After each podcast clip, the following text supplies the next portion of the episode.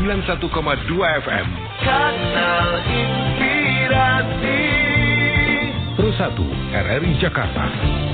Masih di lintas Jakarta pagi dan membahas mengenai topik pagi hari ini di mana sekolah diliburkan ujian nasional ditunda efek pandemi corona.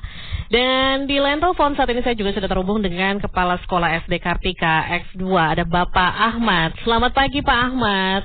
Selamat pagi Bu.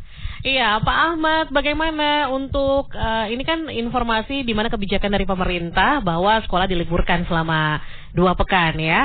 Tapi kalau dari uh, sekolah SD Kartika ini seperti apa jadinya proses untuk belajar mengajar, Pak?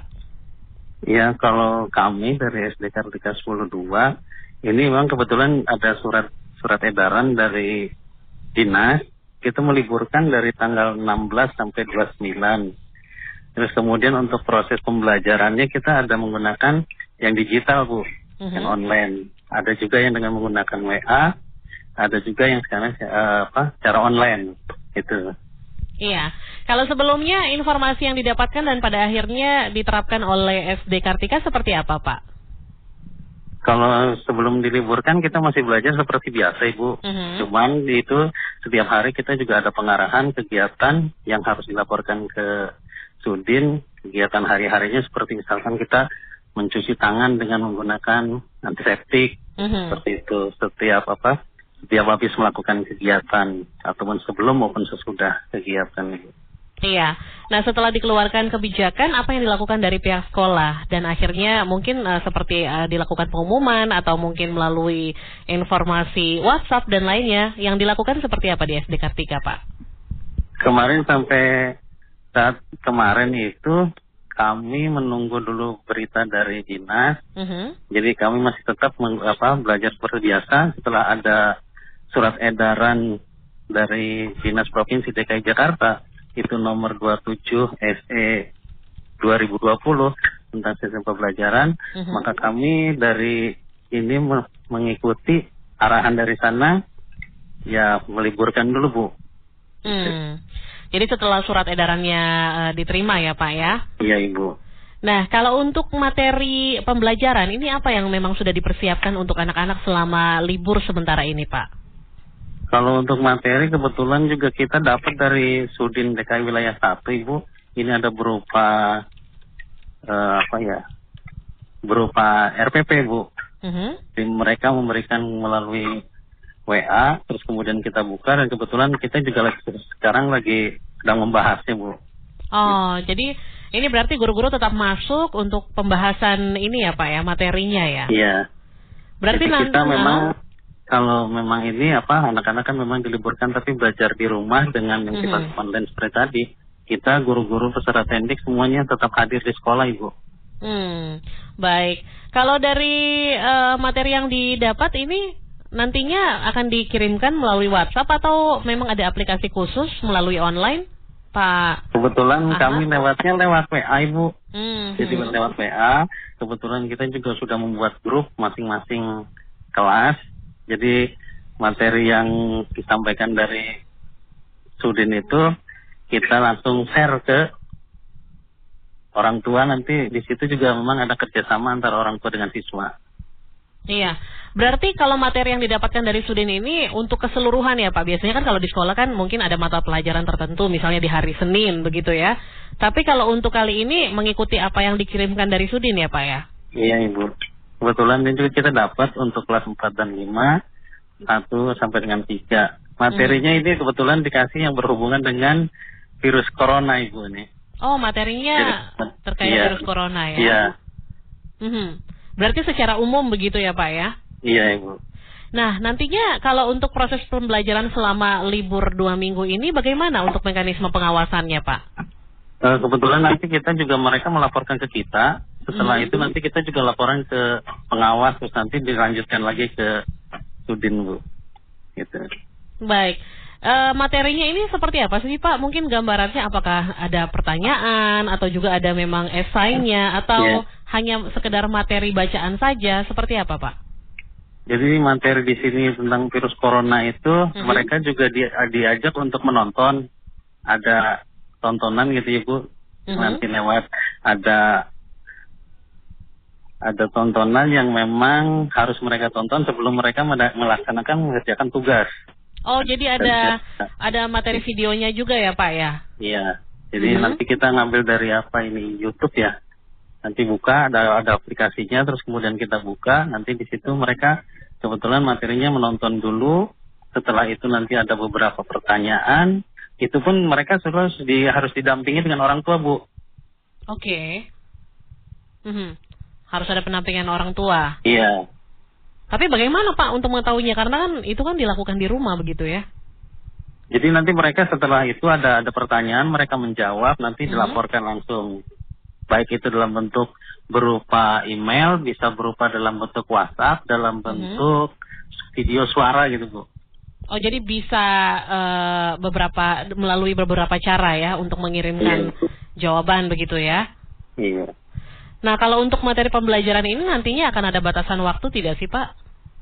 Kalau saya ini kemungkinan pembelajarannya dimulai dari jam 9. Eh, iya jam 9 sampai jam 12. Oh, jam 9 pagi ini sampai jam iya. 12 siang ya? Iya. Baik, tapi kalau misalnya ada yang lewat dari jam itu, Pak, baru bisa mengirimkan bagaimana?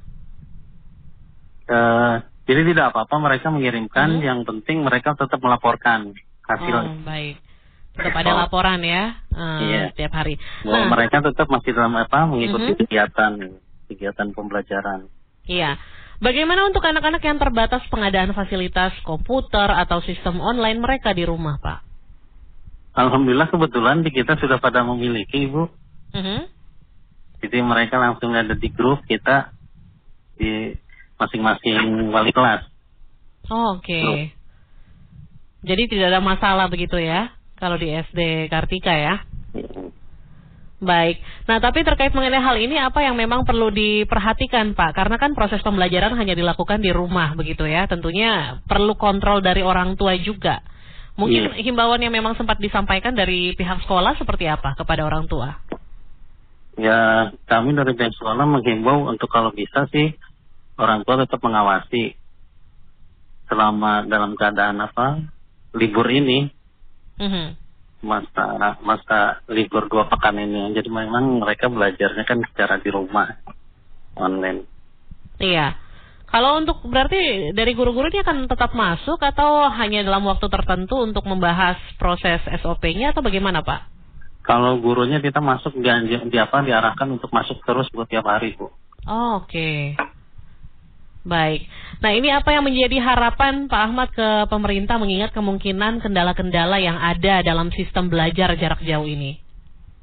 Ya mungkin himbauannya kalau bisa sih apa ya himbauannya minta untuk ya difasilitasi aja bu.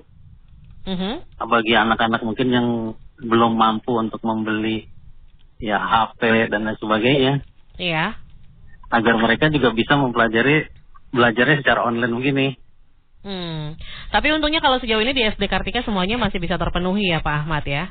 Alhamdulillah Ibu. Iya, kita berharap mudah-mudahan sekolah lain juga bisa uh, terpenuhi semuanya ya. Baik, mudah-mudahan juga semuanya bisa lancar Pak, walaupun proses belajar mengajar dilakukan melalui online atau WhatsApp.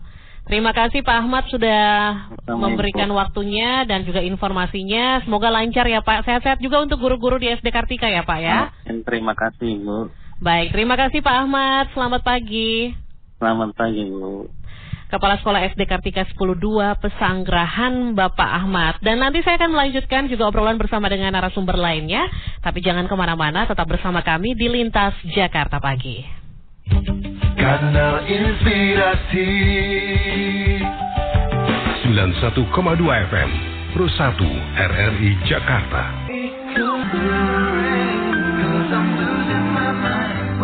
Kembali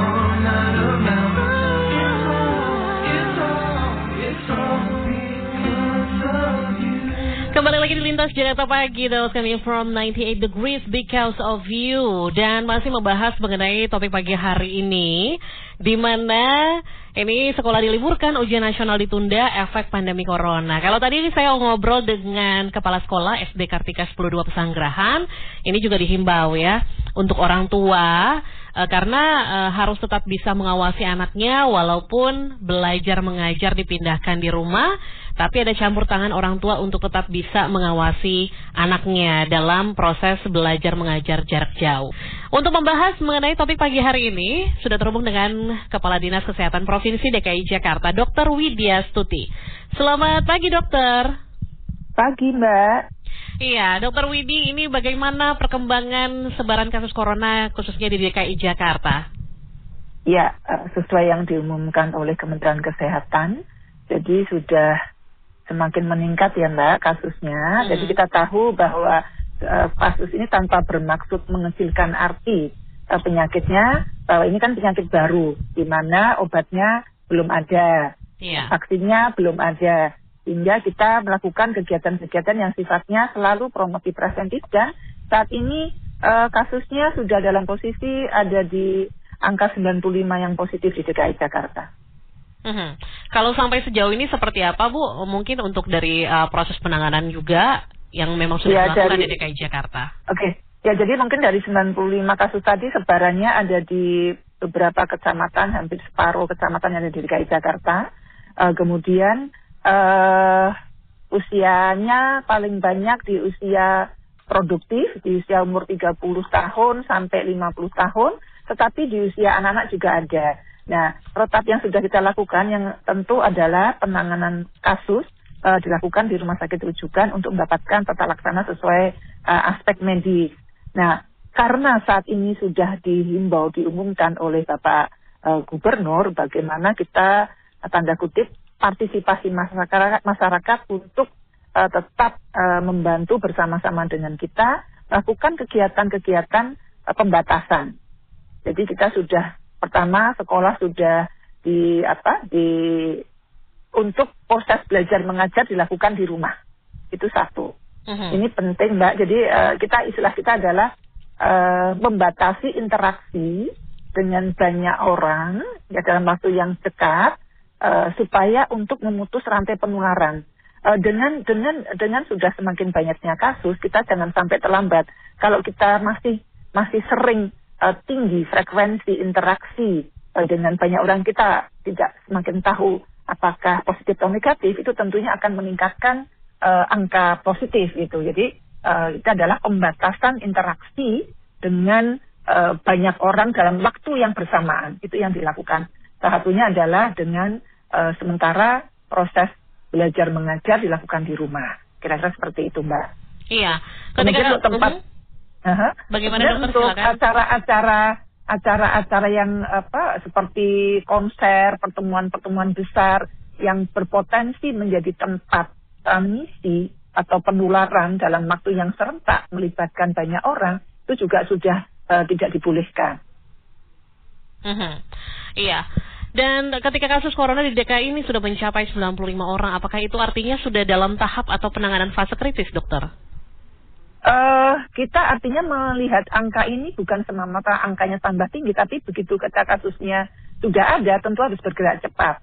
Karena hmm. memang uh, meng, me, apa ya, mengurangi itu tadi uh, interaksi dengan banyak orang, karena penularannya sudah sangat. Uh, kita tahu bahwa penyakit ini uh, kecepatan penularannya itu cukup cukup tinggi ya mbak ya. Kita hmm. belajar hmm. dari kasus-kasus di luar, bagaimana uh, Italia, Iran dalam waktu dua minggu sudah mencapai angka yang ribuan. Jadi kita berharap itu tidak terjadi di Jakarta. Makanya kita putuskan dulu rantainya dengan cara itu tadi Mbak. Uh, mengurangi interaksi uh, orang dalam saat yang bersamaan supaya tidak saling menularkan. Nah metodenya adalah uh, menggugah uh, apa isolasi diri di rumah. Tanda kutip pada orang-orang uh, dengan uh, sakit misalkan batuk pilek ya. Sementara udah jangan masuk kantor dulu, jangan masuk jangan masuk berinteraksi dengan banyak orang, tapi hmm. lakukan kegiatan di rumah uh, sampai kemudian uh, laporkan kepada posko kami apa-apa yang dirasakan. Atau dianjurkan uh, juga kepada warga yang uh, kemungkinan berinteraksi dengan erat dengan kontak positif itu juga upayakan untuk isolasi diri dulu di rumah.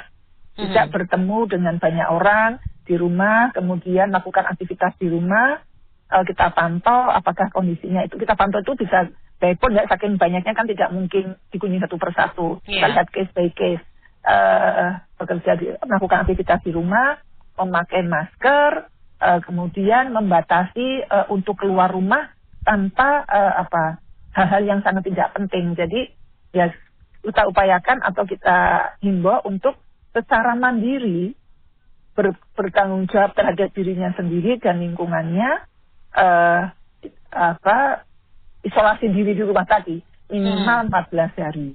Minimal 14 hari. Kenapa 14 hari? Sesuai dengan masa inkubasi. Nah apabila dalam masa halo mbak? Iya. Apabila dalam masa 14, 14 hari tadi merasakan gejala yang sepertinya kok menjadi lebih uh, apa tidak ada pengurangan atau apa itu segera menelpon kepada call center kami seperti itu sehingga akan dilakukan langkah-langkah berikutnya. Iya.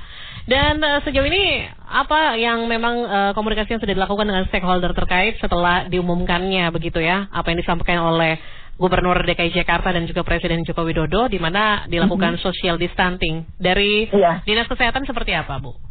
Ya, kami tentunya uh, sudah berkoordinasi ya, dengan ada tim tanggap. Uh, sekarang mau di, uh, di DKI sudah ada tim tanggap COVID-19, uh, di mana ketuanya Pak Asisten tentu uh, berkoordinasi dengan semua pihak yang terkait. Untuk sekolah, uh, tim dinas pendidikan sudah menyiapkan modul-modul proses pembelajaran jarak jauh yang bisa diantisipasi dan diberikan kepada anak didik. Jadi kami menghimbau uh, tanda kutip libur ini bukan libur ya, tetapi memindahkan sementara aktivitas proses belajar mengajar di rumah. Jadi jangan sampai nanti malah bermain-main di luar uh, atau keluar kota itu sama dengan memindahkan penyakitnya ke kota lain gitu ya. Jadi kita berharap bahwa anak didik atas bantuan uh, keluarga, orang tua bisa tetap lakukan aktivitas di rumah dengan mengikuti arahan-arahan dari dinas pendidikan, kira-kira seperti itu. Untuk kantor sendiri memang belum ada uh, keputusan uh, mulai kapan. Kalau yang sudah dimulai kan sekolah. Iya. Ya, untuk kantor kita sedang menyiapkan segala perangkatnya. Kita tahu bahwa uh, di Jakarta uh, variasi ini sangat lebar ya Mbak.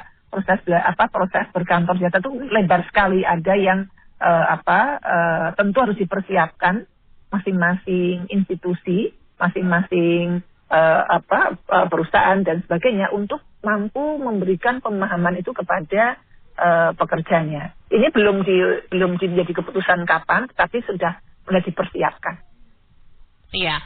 Dan uh, dokter ini mungkin sekedar mengingatkan juga ya untuk masyarakat karena dengan kondisi ini tentunya bisa mengikuti himbauan ya apa yang disampaikan oleh pemerintah. Iya, iya.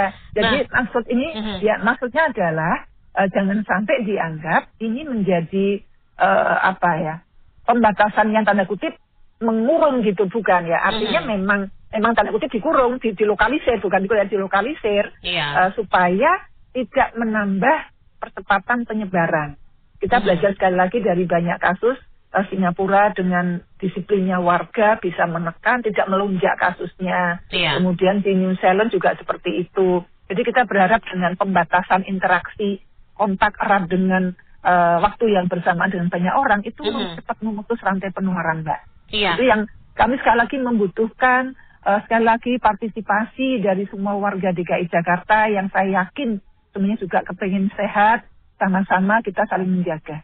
Nah, apa yang bisa kita pelajari dari apa yang terjadi misalnya di Italia, di mana mereka melakukan lockdown, tapi memang kewalahan juga menangani virus corona. Seperti apa, Bu Dokter melihatnya? Iya, uh, kalau belajar dari Italia memang awalnya pemerintah belum cepat segera melakukan tindakan sehingga dalam waktu cepat meluas itu sehingga lockdown gitu mbak itu kan mm -hmm. kita kita berharap jangan sampai ada lockdown di uh, di, di di Jakarta ya mm -hmm. uh, keputusan lockdown untuk tidak itu nanti menjadi ranahnya pemerintah pusat yeah. nah kita berharap dengan pembatasan dengan pembatasan-pembatasan tadi uh, itu bisa lebih cepat menurunkan uh, laju penularan kira-kira seperti itu.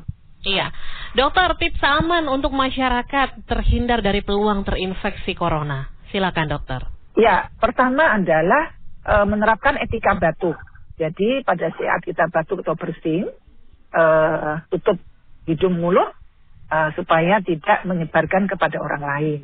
E, tutupnya itu dengan kalau punya masker dengan masker, kalau tidak ada pakai tisu, kalau ada lengan lengan bagian dalam. Tisunya setelah itu dibuang di tempat sampah tertutup. Uh, kemudian uh, hindari kalau kita memang sehat kita jangan dekat-dekat kepada orang yang sedang sakit kan gitu. Hmm. Kemudian jarak minimal yang dianjurkan adalah satu meter mbak. Ini jadi kami contohkan kemarin uh, rapat di BNPB itu sudah diatur kursi itu jaraknya jauh-jauhan mbak. Satu hmm. meter antar orang gitu kira-kira seperti itu. Iya. Kemudian sesering mungkin, sesering mungkin cuci tangan pakai sabun. Jadi tidak tergantung pada hand sanitizer aja, tapi bisa memakai uh, cuci tangan pakai sabun dan air mengalir sesering mungkin. Uh, hmm. Karena semua benda itu kan uh, orang kan gini mbak, pegangan handle pintu, uh, kemudian uh, apa itu uh, pegangan di tangga, di toilet, apa pegang pintu, itu kan uh, sangat rentan untuk terjadi uh, penuh apa ya uh, kontaminasi virus di situ. Hmm. Nah sehingga caranya adalah sesering mungkin cuci tangan pakai sabun dengan air mengalir atau ya itu tadi hand sanitizer yang mungkin bisa menjadi pengganti karena ada mengandung alkohol 60-70 persen kira-kira seperti itu. Hmm. Terus tidak memegang-megang muka muka, hidung, uh, apa mata ya kadang-kadang kan uh, mungkin katakan di jalanan gitu ya. Iya. Uh, habis uh, ketemu orang mungkin uh, langsung spontan salaman atau pegang sesuatu langsung pegang muka usap-usap mata karena kata itu hindari hindari. Jadi hmm. jangan memegang-megang muka mata hidung. Ya jadi harus kecuali dalam kondisi tangan yang habis benar-benar cuci tangan dengan itu tadi gitu ya dengan sabun dan air mengalir. Kemudian juga tidak uh, tanpa mengurangi rasa hormat kebiasaan kita salam tangan uh, itu berjabat tangan itu diganti dengan cara yang lebih apa aman bisa dengan angguk angguk apa angguk kepala atau salam hormat dengan tangan di dada itu ya kita sarankan nanti tidak dikasih pikir mbak mm-hmm. ini karena sangat sangat dekat kan kan kita berharap jarak itu satu meter antar antar orang itu. Iya. Uh, kemudian juga tentu uh, makan makanan yang uh, bergizi seimbang sesuai dengan uh, kemampuan selera masing-masing dan cukup istirahat. Uh, yang berikutnya adalah uh, tidak melakukan aktivitas di luar rumah yang memang tidak penting. Gitu. Jadi tentunya mengukur kita sendiri. Jadi uh, kami contohnya sudah mulai menunda kegiatan-kegiatan yang berkerumunan banyak. Contoh pertemuan-pertemuan yang skala besar di kantor kami sudah kami sudah kami batalkan atau kami tunda. Ya, contoh kami di dunia kesehatan kan sebenarnya punya rencana ada rapat kerja daerah kesehatan itu sudah kami tunda karena itu justru seharusnya tadinya mengumpulkan sekitar 200 orang itu sudah kami tunda. Uh-huh. Uh, kami akan mencoba uh, memakai cara lain atau mungkin di waktu yang lain sudah lebih aman. Kemudian juga uh, makan makanan yang uh, dimasak dengan benar ya, jadi dengan tentunya air mendidih dan pematang gitu ya untuk ikan saya apa bahan-bahan hewani itu dimasak dengan benar dan uh, matang. Ya, baik. Dokter terima kasih banyak atas waktunya dan informasi yang sangat bermanfaat. Semoga kita semua juga tetap dalam kondisi yang sehat ya dokter ya. Ya, sama-sama Mbak. Tadi titip sekali untuk tadi ya Mbak, uh, pembatasan interaksi itu tadi ya Mbak. Oh iya uh, dokter. Uh, uh, jadi itu menjadi apa penting. Jadi uh, kami titipkan eh, mohon mohon partisipasi segenap lapisan masyarakat untuk membatasi interaksi sosial eh, dalam dengan banyak orang dalam waktu yang bersamaan eh, dengan bijak. Baik, terima kasih Dokter Widya Suti atas waktunya sekali lagi. Selamat pagi Dokter. Pagi, sama-sama. Sukses sehat selalu. Amin, sukses sehat selalu. Demikian Kepala Dinas Kesehatan DKI Jakarta Dr. Widya Suti dan memang apa yang disampaikan tadi sangat penting ya untuk kita sosialisasikan bersama tentunya kepada siapa pun ya, baik keluarga, kerabat dan uh, semuanya. 91,2 FM. Kanal Inspirasi. Pro 1 RRI Jakarta.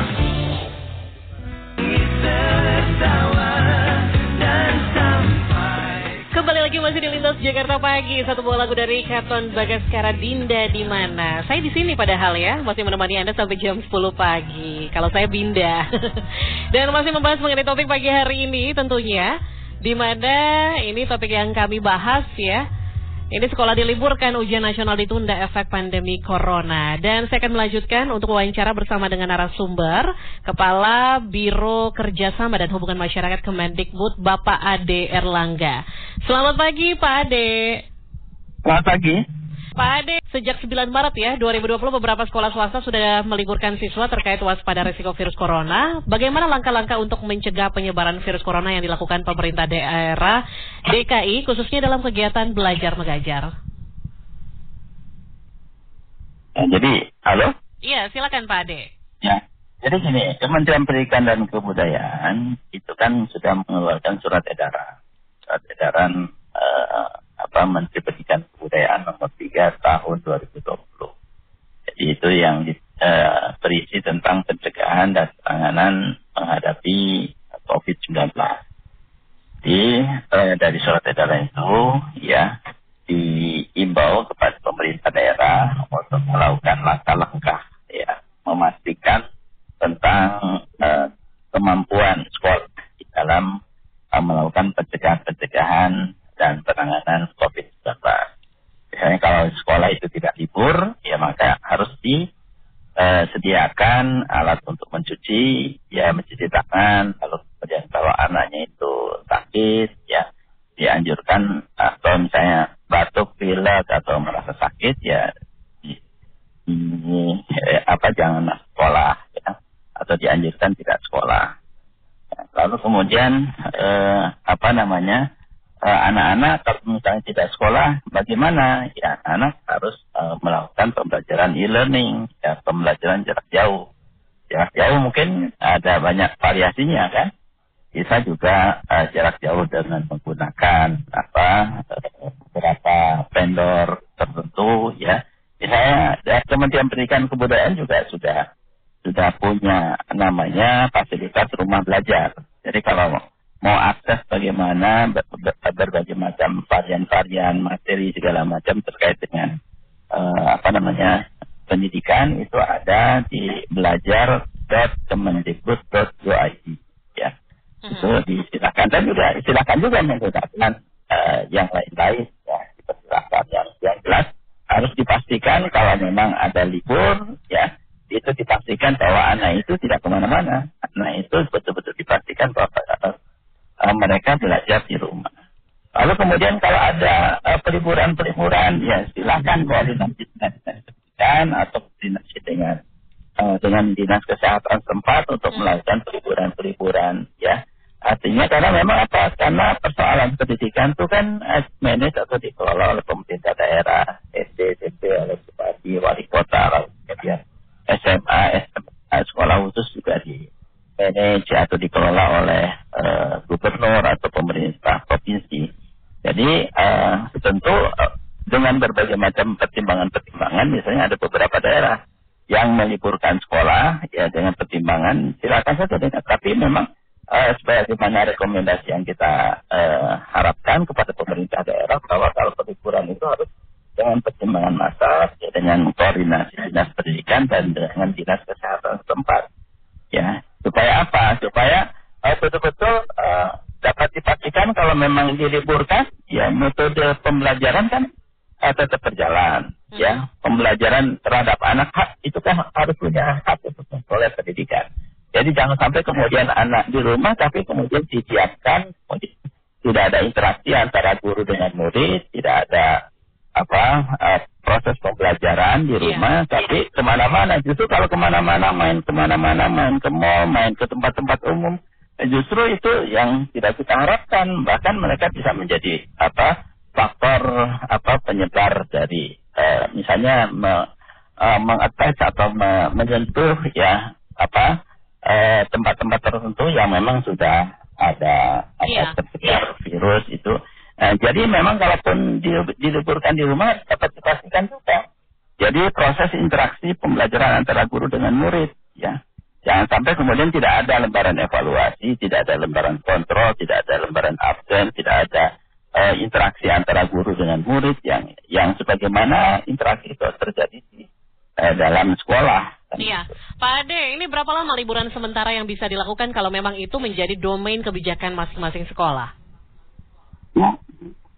Ya, apa namanya kan rate atau tingkat resiko dari masing-masing daerah itu kan mem mempersepsikan atau menganalisisnya uh, berbeda-beda kan gitu ya. Uh-huh. Tapi yang jelas kalau yang sudah ada kan setiap provinsi uh, ada ada provinsi-provinsi yang meliburkan 14 hari. Iya, kalau liburan sementara sekolah 14 hari apa yang menjadi dasar penetapan uh, lama liburannya ini? Sebenarnya dasarnya bukan itu, dasarnya adalah dasar pertimbangan uh, itu 14 hari yang ditetapkan oleh uh, Kementerian Kesehatan sebenarnya itu.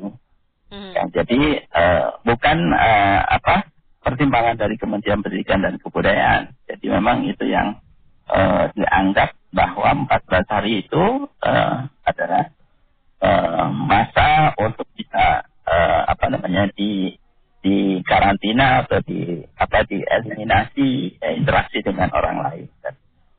Iya. Dan ini bagaimana dengan kepala sekolah, guru maupun pengawas? Apakah mereka efektif tetap bekerja seperti biasa, Pak? Iya, mereka harus bekerja, harus uh, tetap bekerja. Ya, cuma metode kerjanya itu kan harus mereka uh, rumuskan bersama-sama. Jangan sampai kemudian mereka tidak bekerja, ya. Proses pendidikan tidak berjalan. Mm -hmm. Iya, dan terkait mengenai kebijakan Pemprov DKI meliburkan sementara sekolah secara keseluruhan imbas virus corona, apakah berlaku secara keseluruhan untuk jenjang pendidikan sampai universitas, Pak? Ya, kita tidak menetapkan secara keseluruhan dan apa namanya, karena memang setiap daerah itu kan pasti berbeda-beda. Mm-hmm. Berbeda-beda tingkat resikonya, ya, tingkat penyebaran wabahnya kan berbeda-beda. Jadi eh, itu oleh karena itu kesadaran yang kita buat itu dihimbau kepada pemerintah daerah, pemerintah daerah yang akan melihat berbagai macam eh, hal yang apa bisa diputuskan. Iya, bagaimana dengan uh, misalnya tempat kursus atau pendidikan informal seperti itu? Ya, kita harapkan juga itu juga harus dijadikan bahan pertimbangan semua. Ya, oke mbak, saya udah. Iya. Udah, ya, ya. Baik. Iya, Pak Ade, terima kasih atas waktunya ya, Pak ya. Iya. Iya, selamat pagi, Pak Ade. Pak. Baik, demikian Kepala Biro Kerjasama dan Hubungan Masyarakat Kemendikbud Bapak Ade Erlangga. 91,2 FM. Kanal Inspirasi. Pro 1 RRI Jakarta.